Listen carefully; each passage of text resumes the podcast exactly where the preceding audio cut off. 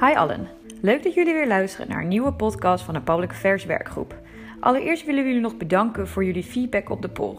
Voor ons erg handig om te weten wat jullie willen horen. Deze keer alvast een langere podcast. We denken na over andere vormen en nemen jullie natuurlijk graag mee in de zoektocht naar een leuke, maar ook efficiënte podcast. Allereerst het klimaatakkoord, waar veel over is gesproken tijdens de rondetafelgesprekken in de Tweede Kamer. Deze gesprekken waren per klimaattafel ingedeeld en wij hebben ons ingezet om te zorgen dat de stem van jongeren wordt vertolkt. Soms door direct contact te leggen met de Kamerleden en hun medewerkers, maar soms ook door voorbereidende gesprekken met deelnemers van deze rondetafelgesprekken. Afgelopen week waren de meeste ogen gericht op de rondetafelgesprek met de industrietafel.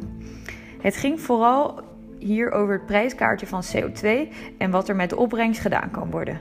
Hoewel dit slechts een van de maatregelen moet zijn die ons helpt om de doelstellingen te halen, is het logisch dat er veel aandacht aan wordt besteed. Niemand heeft er immers iets aan als bedrijven door te hoge heffing naar het buitenland gaan en niet meer investeren. Maar er waren bij het ronde tafelgesprek ook economen die erop wezen dat de schade aan de Nederlandse economie meevalt als je naar dingen kijkt als de prijselasticiteit. Dit soort maatwerk blijft echt risico's met zich meenemen.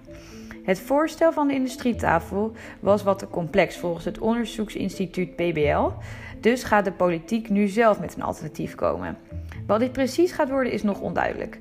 De doorberekeningen van de voorstellen van de oppositiepartijen GroenLinks en PvdA worden deze week gepubliceerd, maar uiteindelijk moet een voorstel natuurlijk ook de steun hebben van het kabinet. Het laatste woord is er dus nog niet over gezegd. Een ander belangrijk thema is hoe de stem van jongeren wordt meegenomen bij de implementatie van het klimaatakkoord. Hiervoor is onze voorzitter Maarten uitgenodigd om te spreken met de relevante woordvoerder van de fracties in de Tweede Kamer. Deze transitie is namelijk te belangrijk voor jongeren om ze er passief bij te betrekken. Maarten kan dit zelf veel beter verwoorden, dus hou onze socials in de gaten voor de livestream zodat je virtueel kan aanmoedigen. In het begin van de podcast wees ik op twee onderwerpen. Want naast alle ontwikkelingen omtrent het klimaatakkoord was er ook het debat over de circulaire economie. Een paar jaar geleden werd er nog nauwelijks aandacht aan dit onderwerp besteed.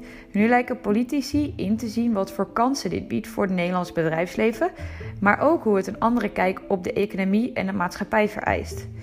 In plaats van het verkopen van producten die snel op de vuilnisstort belanden, gaan we nu naar een economisch systeem waar producten en grondstoffen hoogwaardig hergebruikt kunnen worden.